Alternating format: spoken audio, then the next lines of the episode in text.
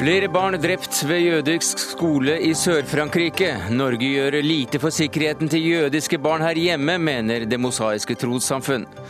Asylbarnas skjebne oppe i Stortinget i dag. Følelser kan ikke stå i veien for prinsippene, sier VGs Hanne Skartveit. Følelser er politikk, svarer Arne Strand.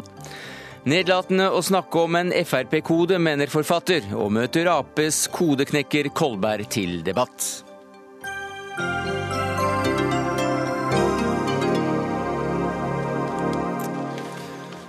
Ja, Det er noen av sakene i eh, Dagsnytt 18 denne mandagen, der vi også får siste nytt om raset i Kåfjord i Troms mot slutten av denne sendinga. Men først til skytingen på en jødisk skole i Toulouse. Erik Aasheim, du følger denne saken fra Frankrike. Hva er siste nytt? Ja, Politiet bekrefter nå at de tre barna og, og rabbineren som i dag ble drept på den jødiske skolen i Toulouse, ble drept med samme våpen som uh, under to andre skyteepisoder i samme region i forrige uke. Da var det soldater som var ofre. Og begge gangene så var det en mann med scooter og hjelm som, som sto og skjøt. Så det er altså grunn til å tro at det er den samme mannen, og han er nå Frankrikes mest jagede mann. Det er det ikke tvil om.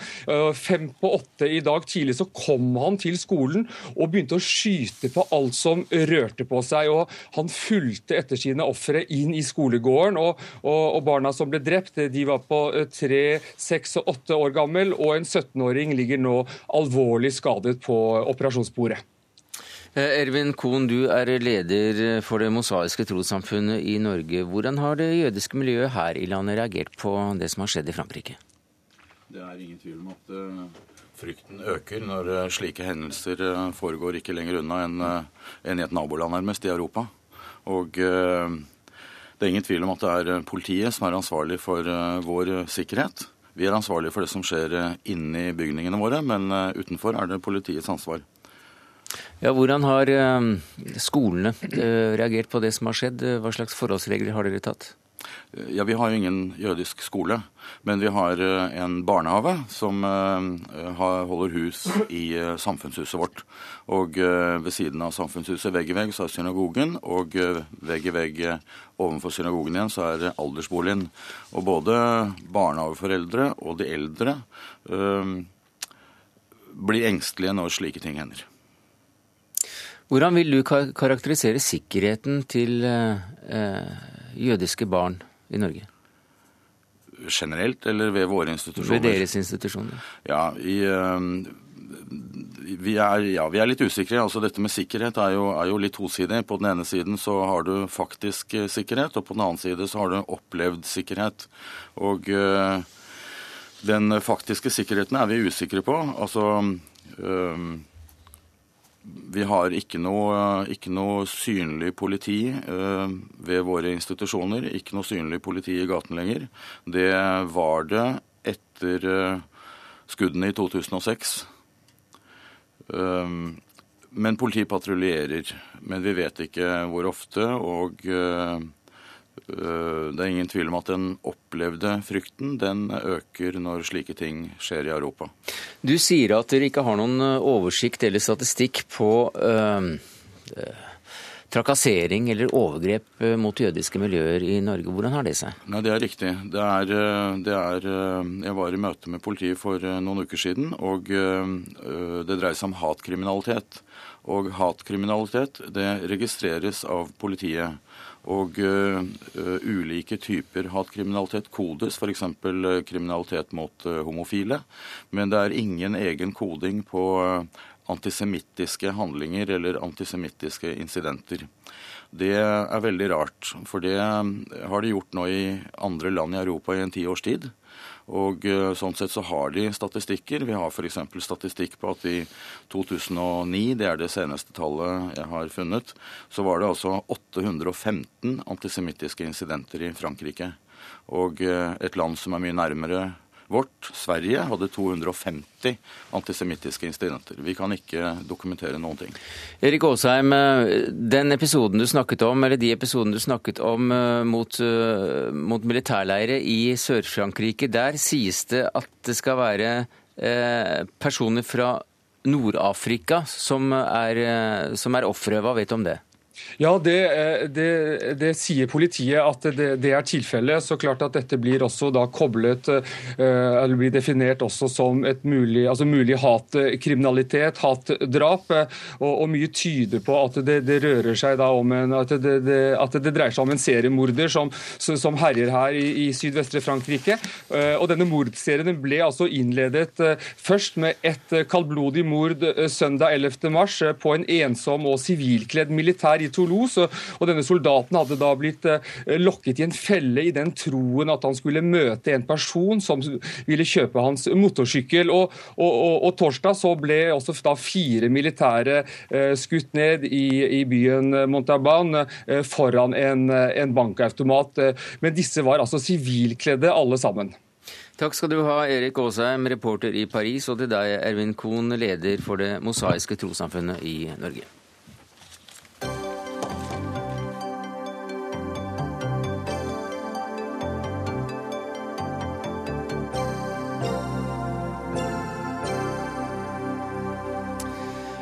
Motstanden øker mot at regjeringen utviser asylbarn som har vært lenge i landet. I dag la Venstre fram sitt forslag om vern av asylbarna i Stortinget, og det foregår nå en votering om dette forslaget, som etter all sannsynlighet da vil bli stemt ned. Guri Melby, du er sentralstyremedlem i Venstre.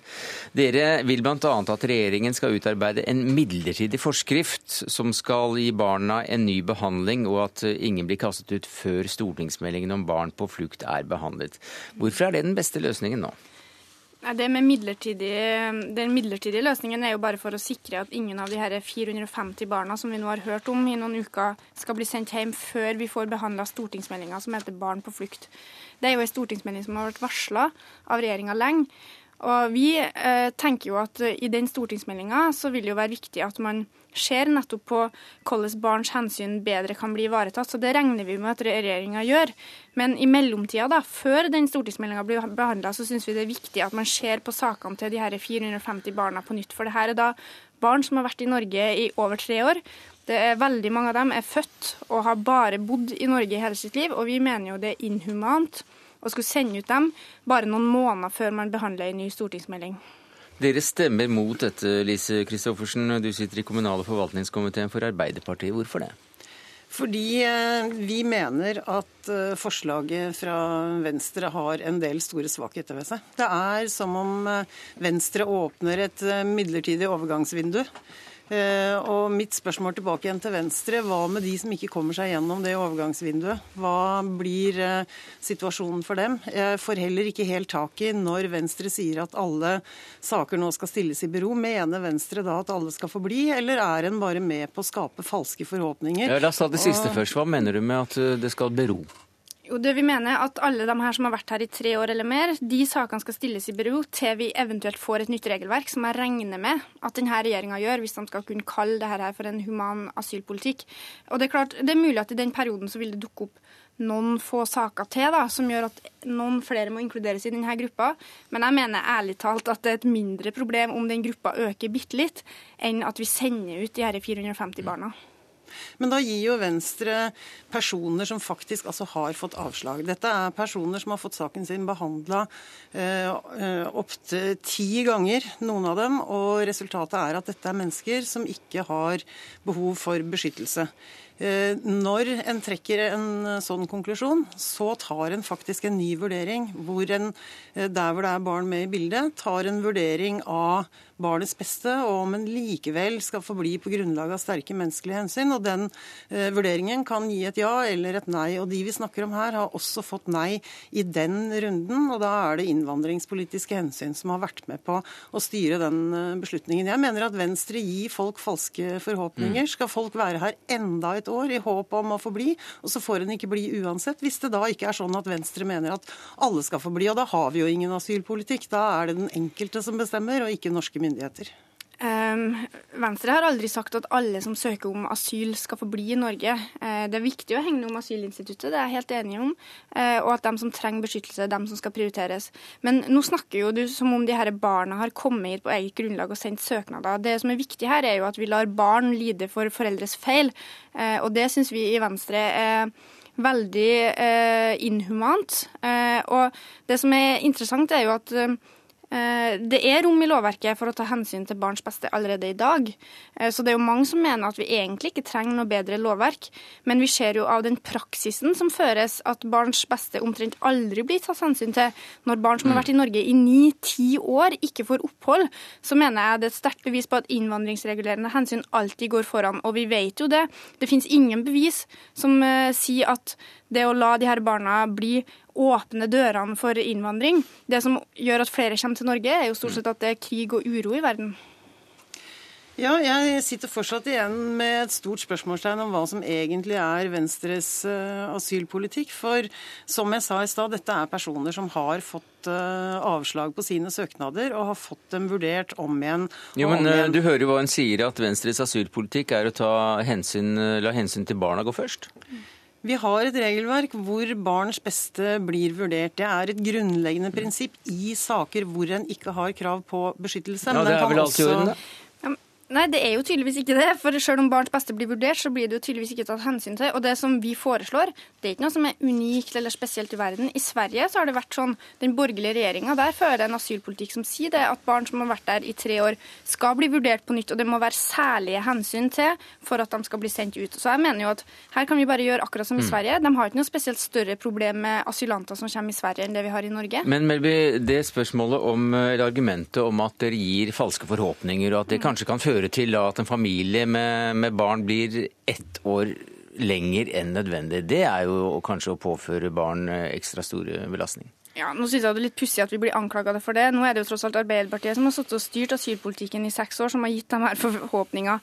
Eh, Og jeg synes faktisk det er verre å sende en familie Vi har jo eksempler her på familier der foreldrene er fra to forskjellige land, der foreldrene da blir sendt til hvert sitt land, eh, og den ene forelderen ikke har mulighet til å besøke den som får med seg barnet. Jeg synes at sånne historier er mye verre enn om en familie skal bli her i ett år ekstra. Men da må jo det bety at Venstre allerede har bestemt seg for eh, at f.eks. den familien eh, skal bli, når en kommer med sånne uttalelser som dette her. Og det er klart, Vi alle Venstre driver ikke noe enkeltsaksbehandling her, men det som er greia er at vi vil at alle dem som har vært i tre år, skal få vurdert det på nytt, og at det skal særlig hensyn til hvis de ikke skal få bli. I dag er det omvendt. Men da sier en jo samtidig at her er det vond i hangende snøre. Og jeg syns at det, Ja, er det det man gjør? Nei, jeg syns ikke det. For det, det Lise Christoffersen gjør, og det Arbeiderpartiet konsekvent gjør, de snakker om systemet. Det er viktig å ta vare på helheten. Det er viktig at, ingen, at ikke reglene blir uthula. Ja, Jeg syns det, det det er viktigst at vi tar hensyn til menneskene, og særlig når det er snakk om barn, så mener jeg det er det vi må sette først. Jeg syns ikke Venstres argumentasjon henger sammen her i det hele tatt. Vi har et eh, regelverk. Det er norske utlendingsmyndigheter som avgjør om eh, folk har behov for beskyttelse eller ikke. Hvis vi gjør det sånn som Venstre sier her, så blir det opp til den enkelte som kommer til Norge. Uavhengig av om en har krav på beskyttelse eller ikke, så er det den enkelte sjøl som bestemmer. Mm. Vi, vi, vi vil jo ha et regelverk, vi òg. Du framstiller det som at vi ikke skal ha noen regler. Vi vil bare endre litt på reglene, som gjør at hensynet til barn settes foran innvandringsregulerende hensyn. Og vi vil at de som har vært i mer enn tre år, skal vurderes særskilt. Og det er nå engang eh, politikere som også bestemmer reglene.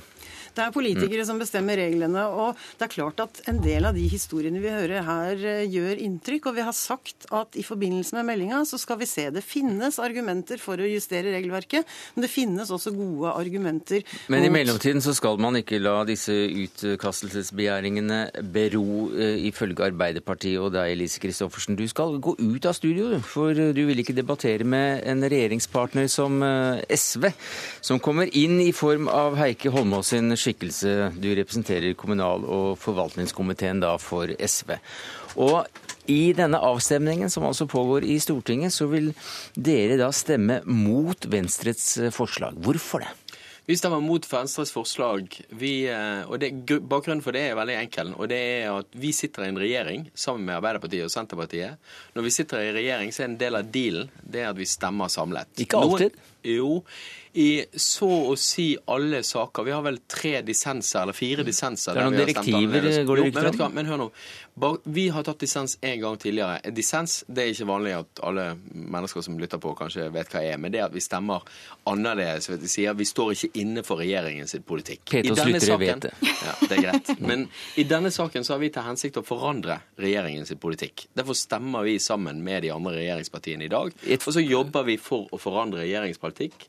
politikk politikk, sånn at vi sørger for at hensynet til barnets beste skal trumfe og skal stilles foran hensynet til innvandringspolitiske hensyn. Dere stemmer altså mot et forslag dere er for, for å forandre regjeringens politikk, som eh, stemmer mot forslaget? Ja, men nå gjør det det unødvendig komplisert. For det at Venstre, la oss si det sånn, i 2005, da fremmet jeg nøyaktig det samme. Da satt vi ikke i regjering. Da satt jeg i opposisjon. SV satt i opposisjon, Venstre satt i regjering. Da fremmet vi det samme forslaget som det Venstre fremmet i dag.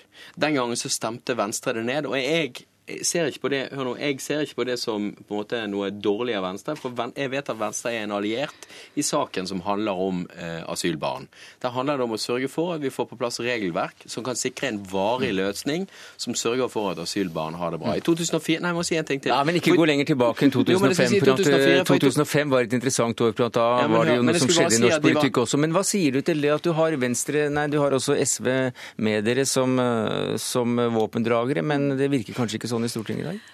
Nei, altså jeg er veldig glad for SV sin holdning i asylspørsmålet. Og jeg tror virkelig på både Heikki Holmås, Audun Lysbakken og SV sine intensjoner i denne saken her. Det var jo en av de sakene som Audun Lysbakken fremheva i sin første landsmøtetale, til stor begeistring for landsmøtet. Og jeg tror nok at han skapte en del forventninger både blant SV-ere og blant andre politikere om at kanskje kan de få, lov, få til å bevege regjeringa litt.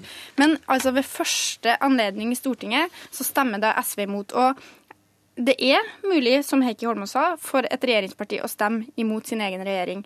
De velger å ta ut dissens i vikarbyrådirektivet, men det her er da tydeligvis ikke viktig nok. Og Er det, du, og det, her er- et øyeblikk, du Her, her har jeg et spørsmål som programleder, og Ja. det er Er asylbarna ikke så viktig som eh, vikarbyrådirektivet, slik at dere altså kan da ta ut dissens eh, Jo, men du må huske at i det, det og ikke det? Eller er det slik at det er for viktig, slik at dere ikke tar ut dissens? Det er jo enda mer forvirrende.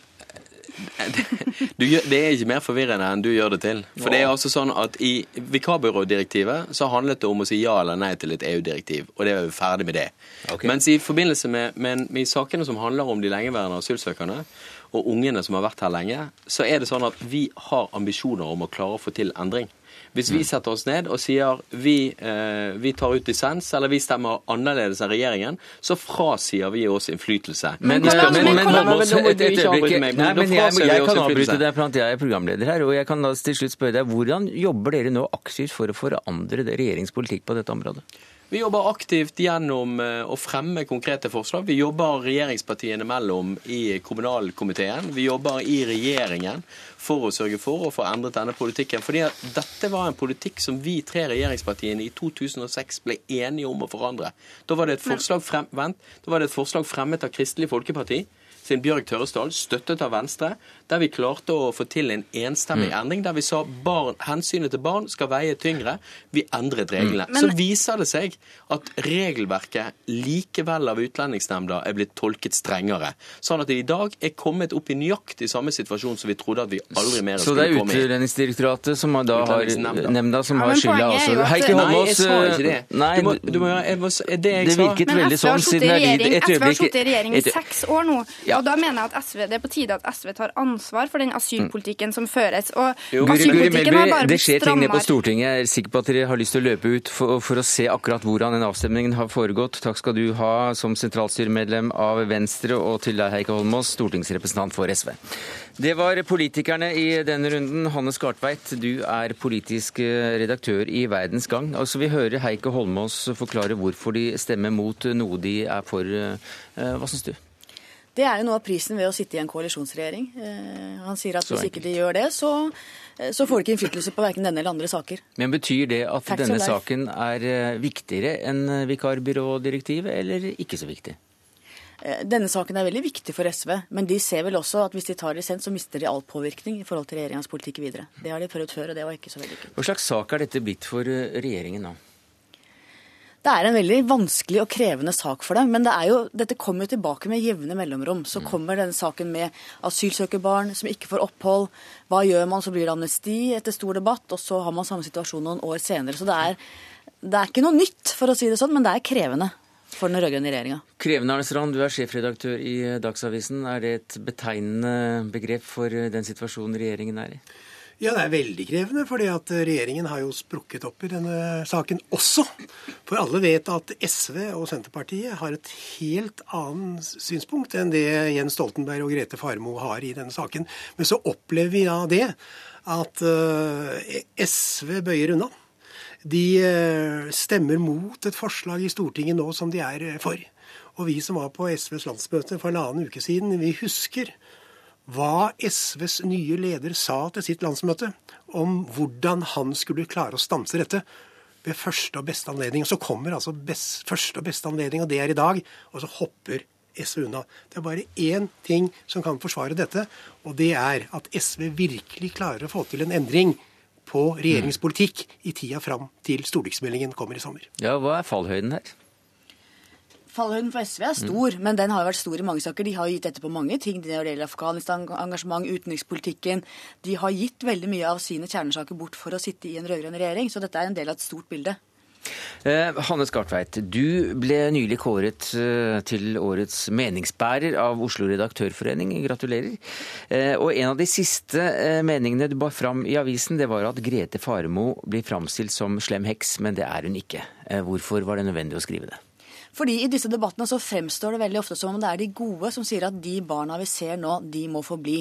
Mens de slemme, det er de som sier at nei, disse må ut, og, og ser et videre, større perspektiv. Mitt poeng i den artikkelen var at det er veldig lett og viktig og riktig at man føler med de man ser, men man av og til kan det gå på bekostning av de man ikke ser. Og her er jo situasjonen at hvis du gir et amnesti nå til alle de barna som eh, står i fare for å bli sendt ut i Norge, så kan vi risikere at det kommer mange flere barn som vokser opp på asylmottak med alt det medfører av elendighet og vonde erfaringer. Så det er ikke sikkert at det å forfekte det standpunktet Grete Faremo står for, er mindre humant enn det standpunktet de som ønsker at disse barna skal få bli, har.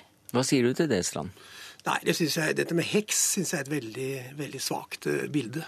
Dette er ikke noen eventyrfortelling i det hele tatt. Dette er en norsk uh, virkelighet på sitt mest brutale.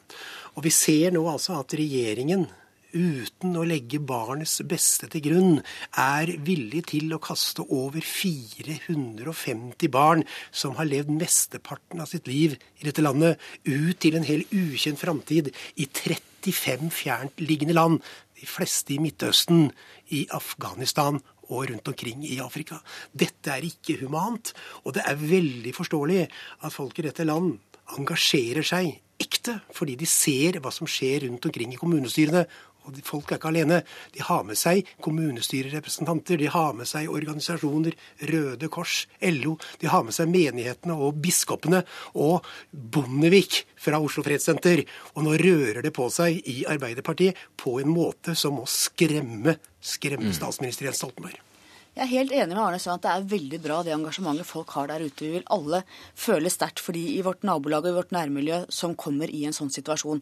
Samtidig må det være grunnleggende at det er det individuelle beskyttelsesbehovet til hver enkelt som kommer, som må vurderes. Og så er det ikke riktig som Arne Strand sier, at barne, hensyn til barnet ikke blir tillagt vekt. Det er veldig mange barn som får bli i Norge, og det er en veldig veldig stor andel av asylsøkerne som får bli i Norge, bl.a. av hensyn til barna, selv om foreldrene isolert sett ikke har et beskyttelsesbehov beskyttelsesbehov. Sånn at du, du, fordreier nok virkeligheten noe der. Men poenget er at du må ha en helhetlig politikk som gjør at de som trenger beskyttelse, får det, og at de som ikke trenger mm. beskyttelse, må behandles annerledes. Det må være prinsipper, Eistrand? Ja, prinsipper kan man ri til man får sår i bak av det. Slik jeg har inntrykk av at eh, justisministeren nå har, har, fått etter å ha gjentatt seg selv eh, hele uka. Nei, nå må vi ta saken som er 450 barn som har vært der så lenge, altså tre år mer. Det er den saken som vi må løse nå, ikke alle mulige andre saker. Og den saken kan man løse, i alle fall i første omgang, ved å la være å sende disse ungene ut av landet til regjeringen har kommet med sin stortingsmelding som skal ta tak i dette. Det er det første de kunne gjøre. Og så det neste de bør gjøre, etter min mening, er å ta en ny behandling av hvert enkelt tilfelle. For mitt inntrykk er, etter å ha snakket med mange som har jobbet med disse sakene, er at behandlingen har vært veldig summarisk. Du har tatt nesten alle over én kam. Og så tror da, så tror da det norske rettssamfunn at det på den måten skal bli kvitt et stort problem. Nei, det skaper et mm. sår i dette samfunnet. Men det skaper litt sår også å lese eh, fem sider i din avis eh, under overskriften 'Møt barna som skal kastes ut', om eh, hvilke barn vi snakker om. Dere spiller jo på følelser, da? Nei, vi spiller på realiteter. Dette er altså unger som er stort sett født i Norge. Som er fullt integrert i det norske samfunn. Som snakker norsk, som snakker nynorsk, som snakker dialekter. Som har fått familier og venner her, som trives veldig godt, og som ikke har hørt om disse landene engang, som de nå skal sendes ut til. Og hvis barnas beste skal legges til grunn, og det skal det, ifølge regjeringens egen politikk, så skal barnas beste selvfølgelig være at vi finner en løsning for disse ungene. Ikke så veldig mye foreldrene. De tenker vi ikke så mye på. Men akkurat ungene må vi, må vi ta hensyn til, slik også Barneombudet gjør. Slik andre som jobber med barn, gjør. Det var en barnepsykiater som sa til VG at det å vokse opp for et barn på asylmottak er verre enn å leve i krig. At det å leve som et lite barn med foreldre som er traumatisert, som lever i stor usikkerhet om fremtiden, leve med slike foreldre på et asylmottak er mer traumatiserende, verre for et barn enn å leve i et land som Etiopia. Så mitt spørsmål til deg, Arne Strand, er hvis ditt standpunkt betyr at flere barn kommer i den situasjonen at de vokser opp på asylmottak i fremtiden, er det da å ta hensyn til barnas beste i det store perspektivet, eller er det ikke det? Du snakker jo vekk fra det det dreier seg om. Nå er det snakk om hvordan skal Norge som nasjon løse dette problemet med alle disse ungene som hver eneste dag opplever barnemishandling i statlig regi. For det er det de gjør nå. Hver eneste dag så går de i frykt for å tro at de skal bli kastet ut av landet. Og du finner folk en psykolog, en barnepsykolog, til å være uenig med meg i dette. At dette er meget, meget skadelig for ungene. Einar Øverenges eh, filosof skrev en god artikkel eh, tidligere denne uken hvor han eh, beskrev da Maria Amelie ble flakt ut, så var det også veldig mange andre flyktningfamilier med barn som var på det flyet. Hvor var du, Arne Strand, og forsvarte de barna da de ble sendt ut? Det var det ingen som brydde seg om. Det er mitt poeng i denne debatten. Vi bryr oss om de vi ser, og de vi ikke ser, de er under radaren, så de snakker man ikke om. Hvor var du da, Arne? Ja, snakker, vi må jo kunne snakke om én ting av gangen. Og nå dreier debatten seg hva skal vi gjøre med disse ungene? Det er det vi nå må ta standpunkt til. Og det er det må regjeringen finne løsning på. Jeg tror jeg at de til slutt finner en løsning som går i den retningen at i alle fall så kommer de til å sende disse ungene ut av landet før den stortingsmeldingen ligger på bordet. For hvis de gjør det, ja da har det rød-grønne regimet fått seg en smell, tror jeg. Hva tror du, Skartveit, med, med det trøkket som nå er mot Arbeiderpartiet, altså tre-fire av fylkeslagene har gått mot egen regjering og, og bedt eh, dem bero disse utsendelses vedtakene. Nå har du stilt noen i bero, og det kan jo hende at i noen av disse sakene så er det andre hensyn nå som gjør at de barna må få bli. Det vil jo være veldig bra ja, for de familiene. Til syvende og sist blir det politikk av det. Ja, og man har jo laget lover som skal ivareta på en måte, de helhetlige hensynene underveis. Og da er det synd, syns jeg, hvis det er enkelt saker som kommer i fokus for politikere, at akkurat de får bli at det ikke får ringvirkning for andre. Det må være slik at det, det, skal behandles likt, like saker, og at folk må bli når de har behov for det. Beskyttelsesbehov. Takk skal du ha, Hanne Skartveit, politisk redaktør i VG. Arne Strand, sjefredaktør i Dagsavisen. Dagsnytt 18 alle hverdager klokka 18.03 på NRK P2.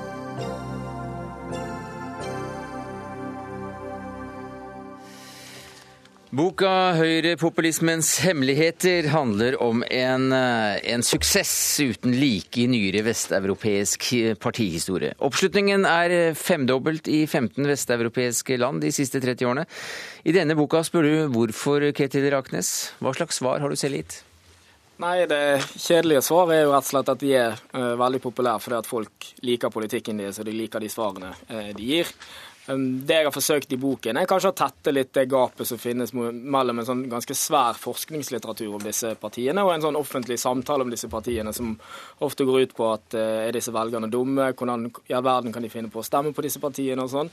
Mens forskerne da sier gjerne at uh, de synes at uh, kanskje disse partiene burde hatt enda høyere oppslutning, gitt hvor stor oppslutning de har, hvis du ser på meningsmålinger i forhold til hvor innvandringskritisk og hvor stor mistro det er til politikere i befolkningen befolkningen generelt. Da. Så på den ene siden så burde de hatt enda større oppslutning? Ja, det er en del forskere som hevder det, at liksom, oppslutningen til disse partiene er underdeterminert, så det, så det heter. At, at, de rett og slett burde ha vært høyere. Men problemet til disse partiene er jo selvfølgelig at det ikke er så lett for dem, fordi at det er vanskelig for dem å tiltrekke seg politisk talent, og det er vanskelig å, å få dem å bygge stabil organisasjon. Og alle som har fulgt med Frp i mange år i Norge, vet jo at det det er alltid mye turbulens eh, rundt disse partiene. Og det er et parti som eh, vil eh, frabe seg det å bli kalt et høyrepopulistisk parti på linje med de vi finner rundt omkring i Europa, som du også da har studert i denne boka her.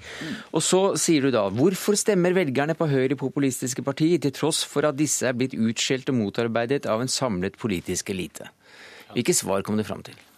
For det første så er det det som jeg sa, sa innledningsvis, at, at det er klart at for disse velgerne, altså Det eneste som forener disse velgerne på tvers av land, er at de er innvandringskritiske. Eh, og Mye av den bølgen for disse partiene har sammenfalt med at innvandringen til mange vesteuropeiske land har, har økt. Eh, og at de da føler at de etablerte partiene ikke har svart på den utfordringen på en måte som de er fornøyd med. Og Samtidig så er det nok mange av disse velgerne har lavere utdanning og føler at samfunnseliten som har høyere utdanning, ikke tar deres bekymringer på, på alvor. Så det er, et sånt, det er en sånn dobbel, både at det er et nytt tema, men også at en del av de velgerne ofte gir uttrykk for at de føler seg, eh, de føler seg ikke sett. Nei, for Jeg ser her at Fridtjof Jacobsen skriver i en kommentar i, i VG at boka ikke er et moralsk oppgjør mot høyrepartiene, men heller et angrep på dem som forsøker å stenge høyrepopulismen ute fra det etablerte politiske debatt.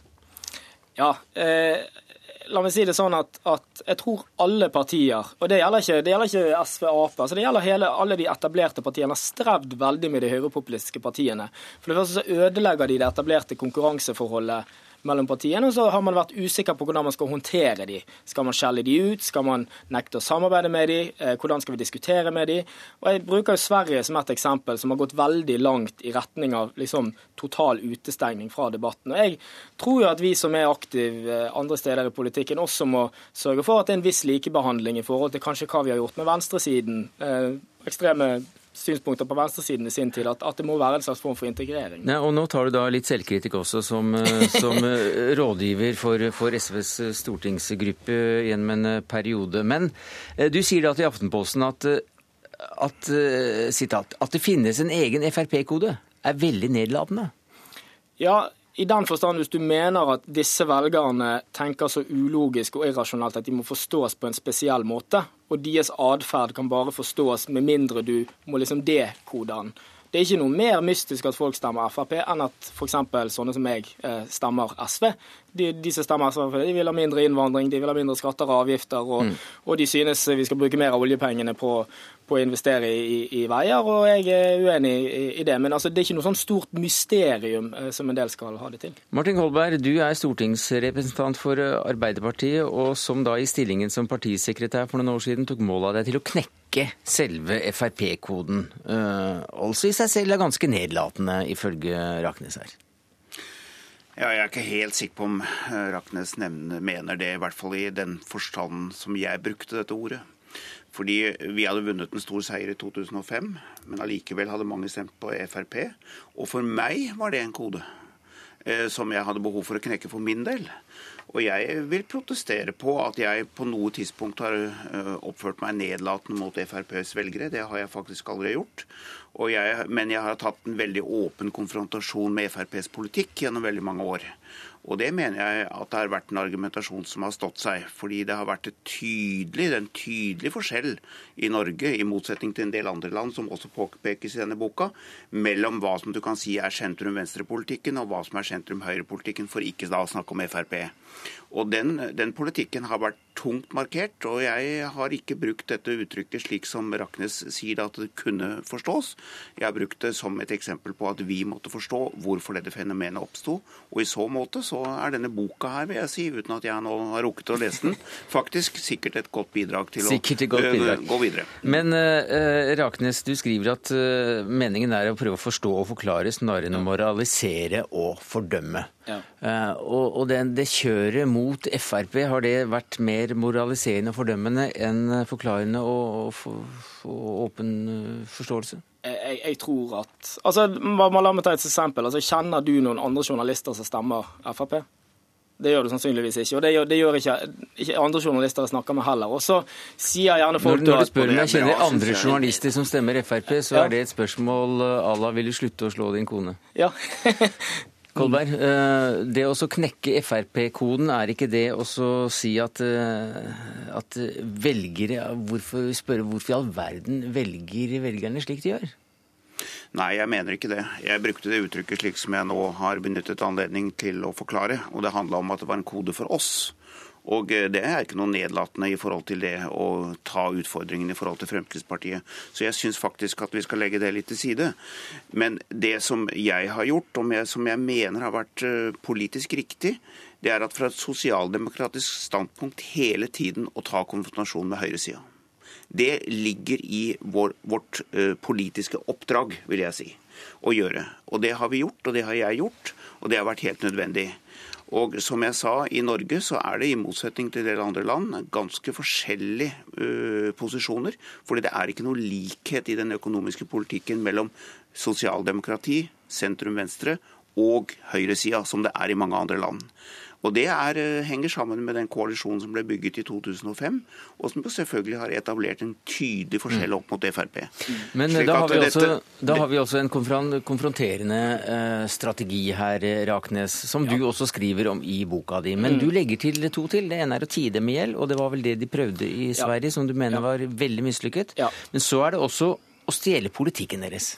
Ja, og Der spørs du hva du mener med å stjele. fordi at Det jeg skriver også er at jeg tror det at f.eks. når det gjelder innvandring og integrering, som er det store spørsmålet for høyrepopulistene, så går det jo også an å snakke om det på egne premisser. Altså Det betyr ikke at du må overta den andres liksom, forståelse av problematikken. Men jeg tror mange har syntes at nettopp den debatten har vært vanskelig fordi at den har vært så dominert av sterke meninger på begge eh, sider. Så mange moderate har unngått den debatten. og Det er jo kanskje først de siste liksom, fem-ti årene at de andre partiene har kommet veldig på banen på det feltet. Men bare for å svare på det du spurte om. altså det, altså det i forhold til det her med elite og folk, som er liksom det veldig sånn sentrale for, for høyrepopulistene, så sier jo Frp det at de er partiet for folk flest. Og jeg må jo si det at Hvis du ser på sånn elitestudier sånn som er gjort i Norge, så er jo ikke det helt feil.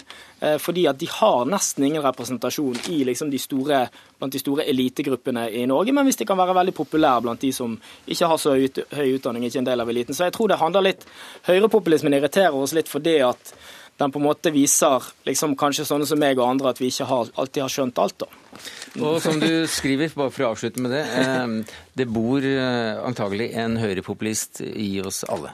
Det gjør nok det. Takk skal du ha, Ketil Raknes, forfatter av boka 'Høyrepopulismens hemmeligheter', og Martin Kolberg, stortingsrepresentant for Arbeiderpartiet og Frp-kodeknekker.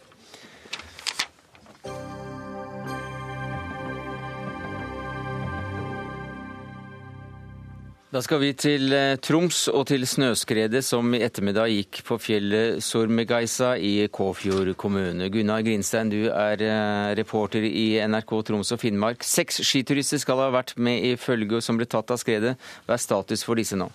Ja, jeg står nå her i Tromsø med politimester Einar Sparbo Lysnes. Og eh, hva er siste nytt, politimester? Ja, siste nytt er at det er gravd frem fem personer av rase Eh, fire av de er dessverre bekrefta omkommet. Eh, en femte person mottar nå medisinsk behandling på UNN. Og eh, en sjette person er lokalisert mange meter ned i raset og fortsatt ikke gravd ut. Hva er status til den som har overlevd dette raset? Jeg har ikke nærmere kunnskap om status. Vedkommende har behov for å mottar medisinsk behandling. Eh, og eh, det siste eh, oppdaterte fra UNN er at vedkommende fortsatt er i live. Fire bekrefta omkommet, sier du. Én fortsatt i snømassene. Betyr det at du frykter at dette raset kan ende med fem omkomne? Vi gir eh, ikke opp, men eh, vedkommende er begravd etter vi har fått opplyst fem-seks meter ned i raset. og Sjansen for at vedkommende er i live er liten, men man gir ikke opp. Så eh, fortsatt er håpet derfor vedkommende og den som enn så lenge er i live. Hvor eh, mange er det som, som, prøver å få frem den siste som befinner seg i snømassene? Ja, Vi har eh, betydelig med mannskaper oppe i rasstedet. For en halvtime siden var vi over 30 der, og vi har nok flere folk der oppe nå. Eh, så letinga foregår, og vi har fått brakt inn mer mannskap og mer utstyr, og bl.a. mer lysutstyr for å lyse opp området. Hvilke tanker gjør du deg om omfanget av denne skredulykka? Ja, det er jo en, et stort skred, som, og alt tyder jo på at eh, det har fått et svært tragisk eh, utfall. Det var det siste nytt fra Tromsø. Fire bekreftet omkommet, én på sykehus for behandling. Og det leter fortsatt etter den siste som ligger under snømassene i Nord-Troms. Gunnar Grinstein, eh, som reporter i NRK Troms og Finnmark, har du fått uh, mer klarhet i hvem disse kan være?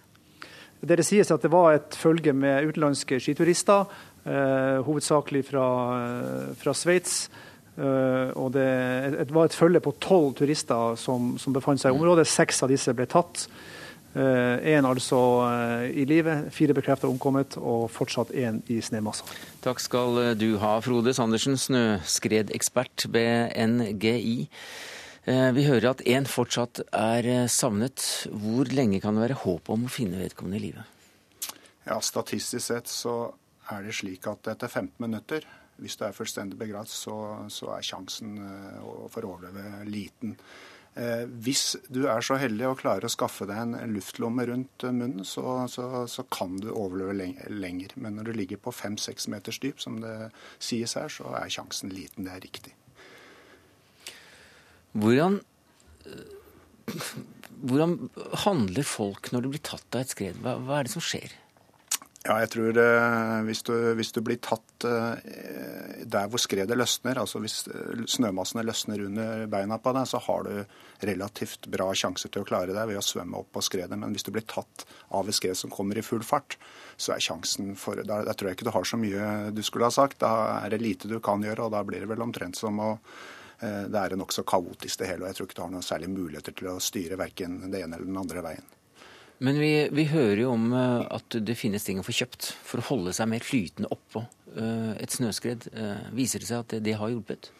Det er dårlig statistikk på dette her. Og disse ballongene som det har vært mye snakk om i det siste, det kan nok i noen grad hjelpe deg til å holde deg oppå overflaten og hindre at du følger eh, skredet og blir begravd eh, dypt nede i snøen. Men på den annen side så er det også andre indikasjoner som sier at sånne ballonger kan faktisk føre deg lengre med skredmassen enn om du ikke hadde det. Så det, er, det tar det litt begge veier. Og jeg tror det er for lite statistikk til å, til å liksom konkludere den ene eller andre veien. Det viktigste er uansett ikke å bli tatt av skredet. Det må være hoved. Men hvis man først blir tatt, hva skal man prøve å gjøre, og, og hva hvis snømassene kommer over deg? Du, det viktigste er at du prøver å holde deg på overflata, og særlig like før skredet stopper. Så er det mange som sier det at det like før skredet stopper, hvis du klarer å prøve å komme deg mot overflaten, og samtidig prøver å få en luftlomme rundt munnen, så er det det beste tingen du kan gjøre. For når skredet først stopper, så viser det seg at det blir sementert, og da er det veldig lite bevegelsesmulighet. Takk skal du ha, Gunnar Grinstein, nei, Frode Sandersen, snøskredekspert ved NGI.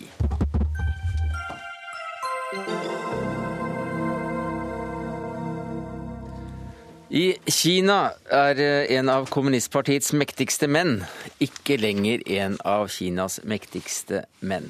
Bo Chilais stjerne lyser ikke lenger like sterkt over midtens rike. Kommentatorer eh, kaller det et veritabelt politisk jordskjelv. Og Kristoffer Rønneberg, journalist i Aftenposten, du beskrev eh, en bevegelse rundt denne personens person som et snev av Mao-dyrkelsen. Hva slags tegn var det du så? Altså, Bo Xilai er det nærmeste man kommer en, eh, en politisk popstjerne i, eh, i, Kina. Han er et, eh, eller kanskje vi bør si var, et unikum. En mann som kledde seg i skreddersydde dresser, som uh, klappet folk på ryggen, som var veldig karismatisk og, og, og snakket lett med både utenlandske politikere og med, med vanlige kinesere. Så, så, han bygget opp i denne byen Chongqing, som veldig få har hørt om, men som er en av, om ikke Kinas aller største by. Der har han bygget opp en, en slags uh, egen kult, som er basert i, i, stor grad på spesielt uh, kulturrevolusjonens symboler og litt nostalgi for hvordan ting var på, på 60- og 70-tallet, for de som, spesielt de unge kineserne som ikke husker hvordan det faktisk var der da. Ja, eh, Kristin Dale, Dalen, du er koordinator for Kina-programmet ved forskningsstiftelsen Fafo. Hvorfor måtte han da gå? Var det fordi at han var litt for kjepphøy? Ja, antageligvis. Det var det? det var nok det, altså. Ja. Det som var truende Denne historien er jo en komplisert og lang historie, men det som nok ble fortruende med, med Boshilai etter hvert for den stående komiteen og ledelsen i partiet, var nok at han, som Kristoffer sa, er en mann som klarte å få til en persondyrkelse. Han eh, profilerte seg på eh, en splittelse innad i partiet hvor han på en måte hadde sine egne saker som han kjørte tungt på. Og han, et, i Chongqing var han partileder. Før det så var han partileder i en stor by som heter Dalian, nord i Kina. I begge disse områdene så hadde han muligheten til å mobilisere store folkemengder.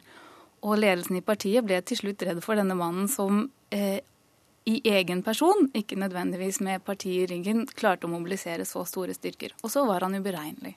Ja, hvordan da? Nei, han, som Kristoffer sa, så satte han i gang en stor kampanje for eh, å få tilbake en, eh, symboler fra kulturrevolusjonen, sånn som røde sanger. I tillegg kjørte han knallhardt på å slå ned på korrupsjon i Chongqing. Eh, og hvor han da allierte seg i første rekke med store, store mengder med fattige folk som så en bedre hverdag. Han satte i gang en del prosjekter som gikk på billig hus for, for, fattige og sånne ting. Så han, han, bevegde seg liksom på sidene, og så forstyrret han det som jeg vil si helt siden 1989 eh, har vært en klar regel om konsensus innad i partiet. Og det gjør man ikke ustraffet?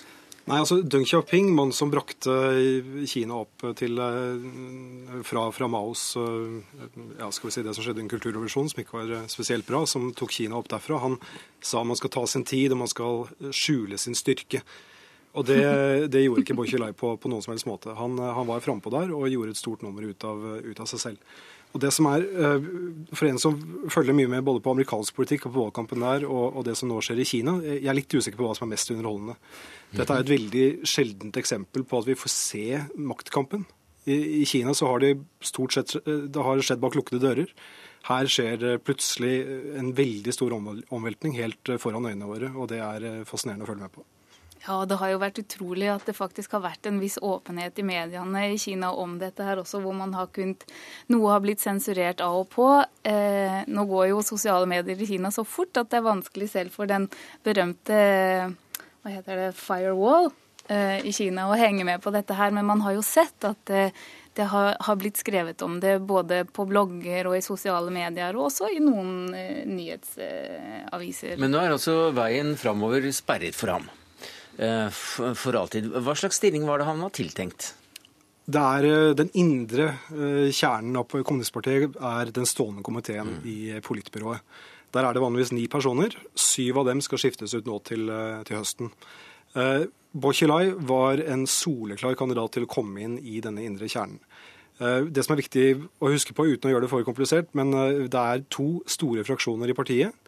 Du har de som kalles prinsene, som er sønner av tidligere partitopper. Eh, aristokratiet i partiet. Og så har du de som har jobbet seg opp fra, fra bakken og oppover.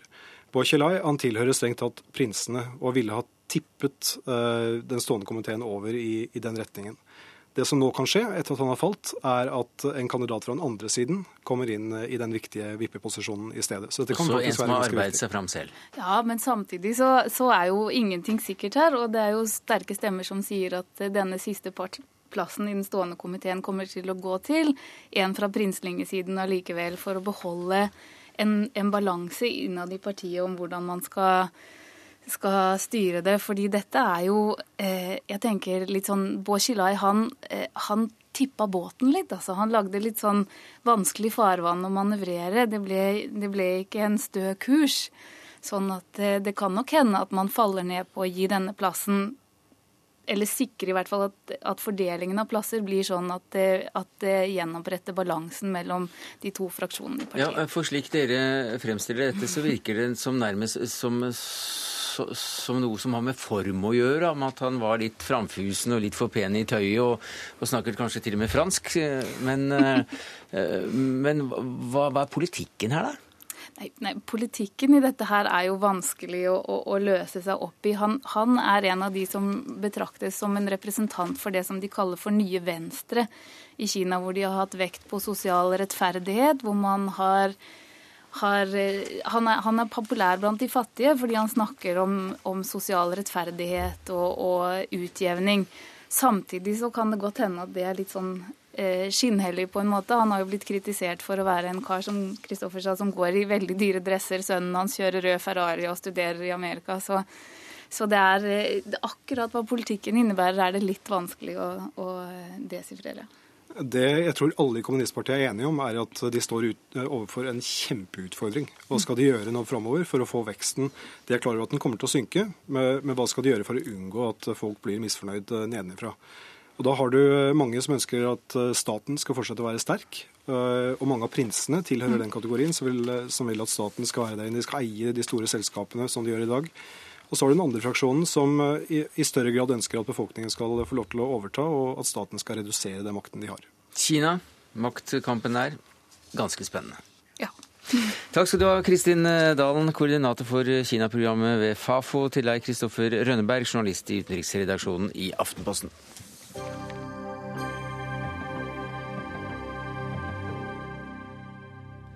Norges innbyggertall ble i dag fem millioner mennesker. Det er også ca. 20 det av den byen som eh, hovedpersonen i det forrige innslaget hadde under til sin rådighet som ordfører. Men det er flere årsaker til at også vi blir flere i Norge, og det vet du en god del om, Helge Brynborg. Du er nemlig demograf og seniorforsker ved Statistisk sentralbyrå. Hva er de viktigste årsakene til at befolkningstallet nå akkurat i dag har nådd fem millioner. Den aller viktigste årsaken er den høye innvandringa, som skjøt fart, særlig etter at EU ble utvida med ti nye medlemsland i, i 2004. Så siden har eh, eh, innvandring blitt satt ny rekord nesten hvert eneste år. Og i fjor vokste Norges folketall med 65 000. Så mye har det aldri vokst med i absolutt forstand. Det er også I prosentvis er det den høyeste veksten siden 1920. Jaha, og det nest høyeste siden 1898, så det er, det er ganske enormt. Ja, men eh, skyldes eh, dette da også at eh, vi har åpnet, måttet åpne grensene for arbeidsinnvandrere fra tidligere Ja, I stor grad. Det, har, det, hjelper jo litt at vi har relativt høy fødselsrate, og at levealderen stadig blir øker litt. Men egentlig så har vi ikke høy nok fødselsrate til at vi kunne få befolkningsvekst på lang sikt. Vi har blitt litt gladere i å lage barn? Ja, i løpet av de 10-20 siste år er vi det. Men det er fortsatt litt, litt, for lav til at vi kunne få befolkningsvekst på lang sikt. Men det, den er i nærheten her. Det, det spiller ikke så stor rolle. Per Fugli, professor i sosialmedisin. Du mener at uh, en av grunnene til befolknings, at befolkningstallet vokser i Norge, det er uh, folkehelsa? Ja. Hvordan det? Jo, Helge Brunborg er jo inne på det. altså, ikke sant? Vi, Hør nå. Vi lever nå 30 år lenger enn vi gjorde for 100 år siden. For 100 år siden var gjennomsnittsalderen rundt om 50 år, eller forventet levealder. I dag er den 80. Og, og, ikke sant, altså, vi har En av forklaringene på at vi hipp hurra i dag runder fem millioner, det er at vi har bygget et helsesamfunn. Gjennom 100 år. Arbeid til alle kjempeviktig helsekilde. Arbeid med mening og brukbar inntekt til alle. Utdanning til alle etter anlegg. Helseinvesteringer av første orden. Likestilling gjennom 100 år.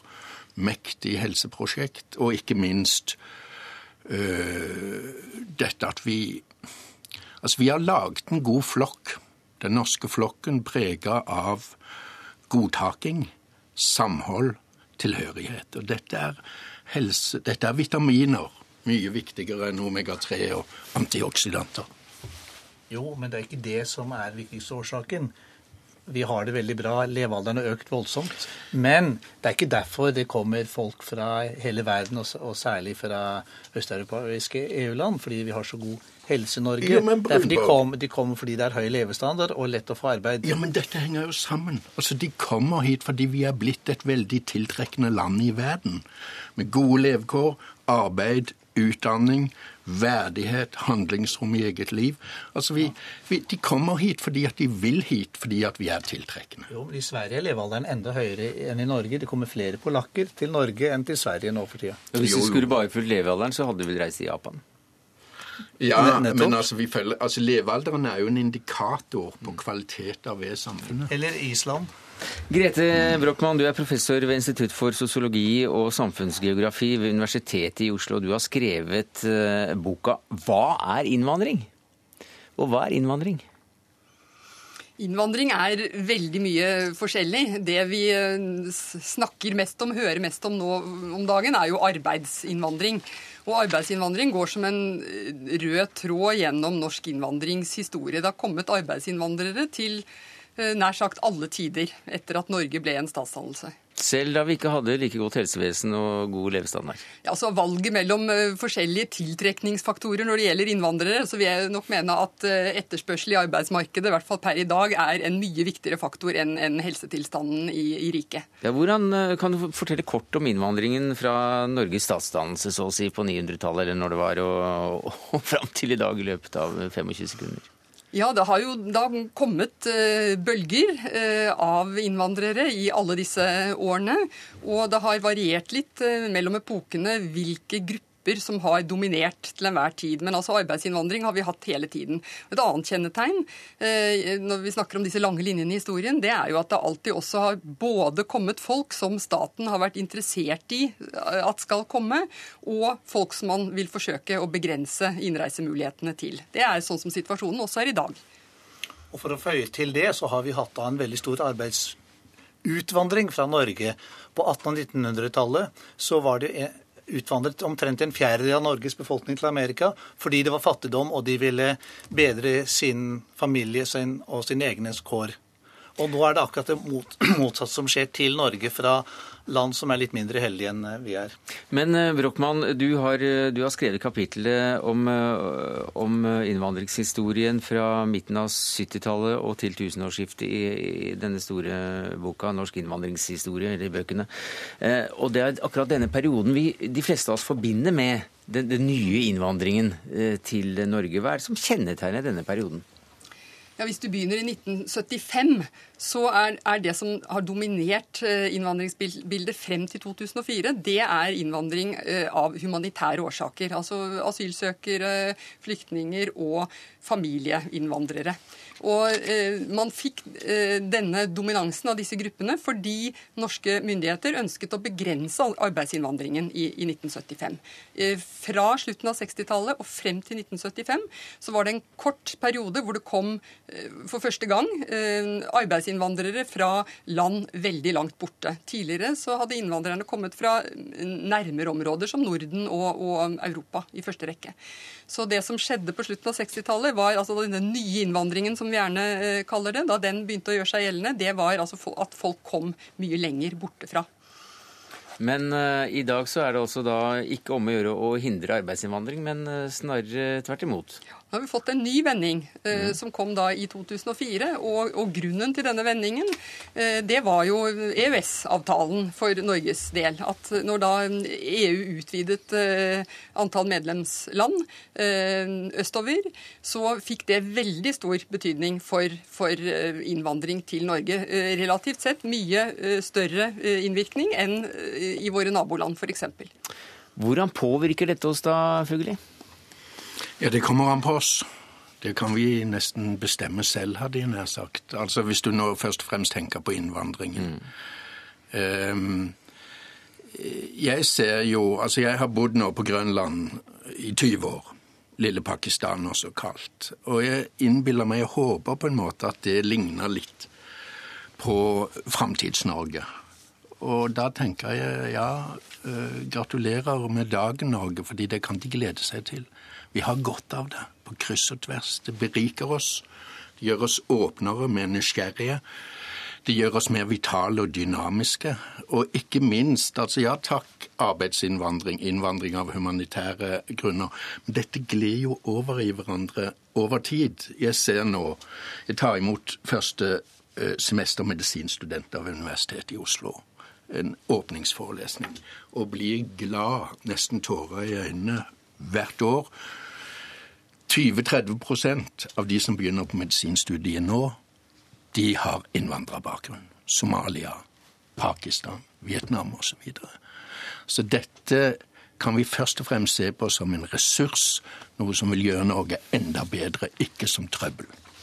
Helge Brunborg, kort til slutt. Vi er straks ferdig med Dagsnytt 18 i dag. Men eh, hvordan vil dere se på denne epoken som, eh, som vi nå er inne i, det vi runder fem millioner om 10-20 år? Det er en uvanlig epoke med ekstremt rask vekst. Og vi tror jo at om noen år vil eh, denne veksten gå ned igjen av forskjellige grunner. Den fører jo til visse voksesmerter rundt omkring i lokalsamfunn, som må da utvide infrastrukturen og investere mye. Takk skal du ha, Helge Brynborg, demograf og seniorforsker ved Statistisk sentralbyrå, Per Fugli, professor i sosialmedisin, og Grete Brochmann, professor i sosiologi og samfunnsgeografi ved Universitetet i Oslo. Det var det vi rakk i Dagsnytt 18 denne mandagen, takket være ansvarlig for det hele Karoline Rugeldal. Det tekniske ansvaret hadde Arnt Egil Nordlien. Jeg heter Sverre Tom Radøy.